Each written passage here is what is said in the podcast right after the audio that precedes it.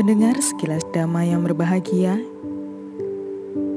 betapa apa pun pada masa silam, kini, nanti, yang merasa sakit, tersiksa, tersayat, karena perjuangan mereka, inilah yang terberat.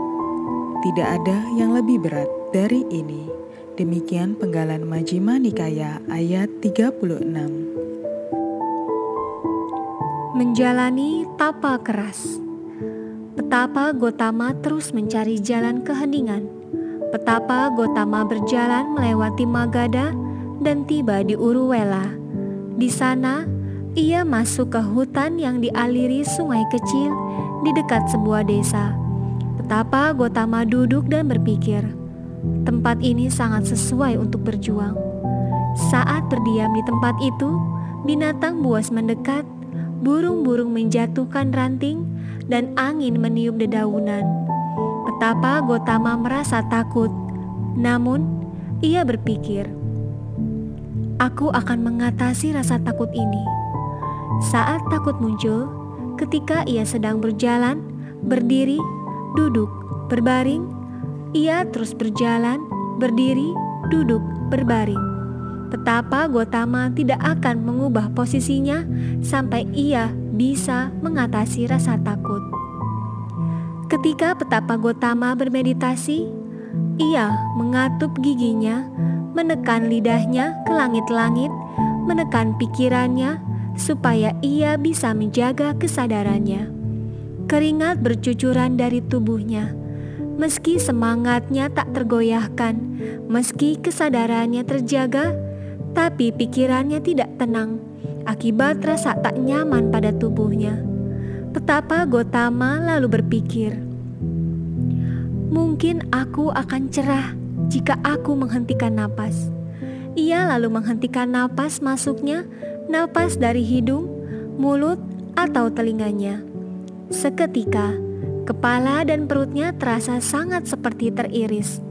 Tubuhnya terasa terbakar, meski semangatnya tak tergoyahkan Meski kesadarannya terjaga, tapi pikirannya tidak tenang akibat rasa tak nyaman pada tubuhnya. Petapa Gotama berpikir, bagaimana kalau aku tidak makan sedikit pun?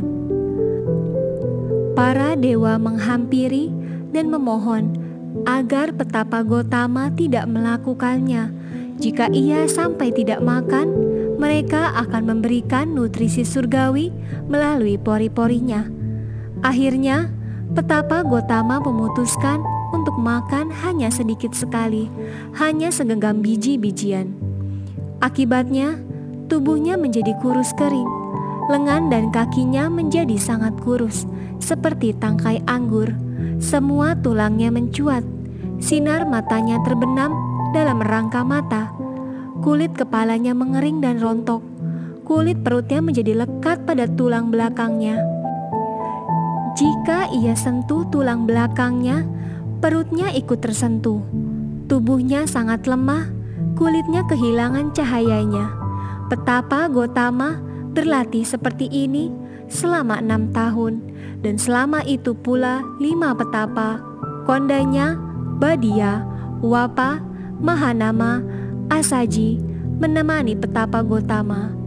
Petapa Gotama lalu berpikir, rasa sakit apa pun yang dirasakan para petapa masa lalu, masa kini, ataupun masa depan dalam perjuangan mereka tidak akan melebihi rasa sakit ini.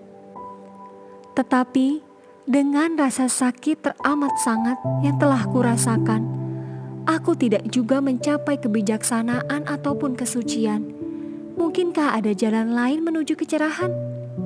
Betapa Gotama lalu teringat kejadian pada perayaan bajak kerajaan. Saat ia berdiam dalam samadhi pertama di bawah pohon jambu air, saat itu samadinya disertai kebahagiaan. Mungkin inilah jalan kecerahan. Tidaklah mungkin meraih kecerahan dengan tubuh yang terlalu lemah. Bagaimana jika aku makan makanan padat makan nasi yang ditanak dan roti.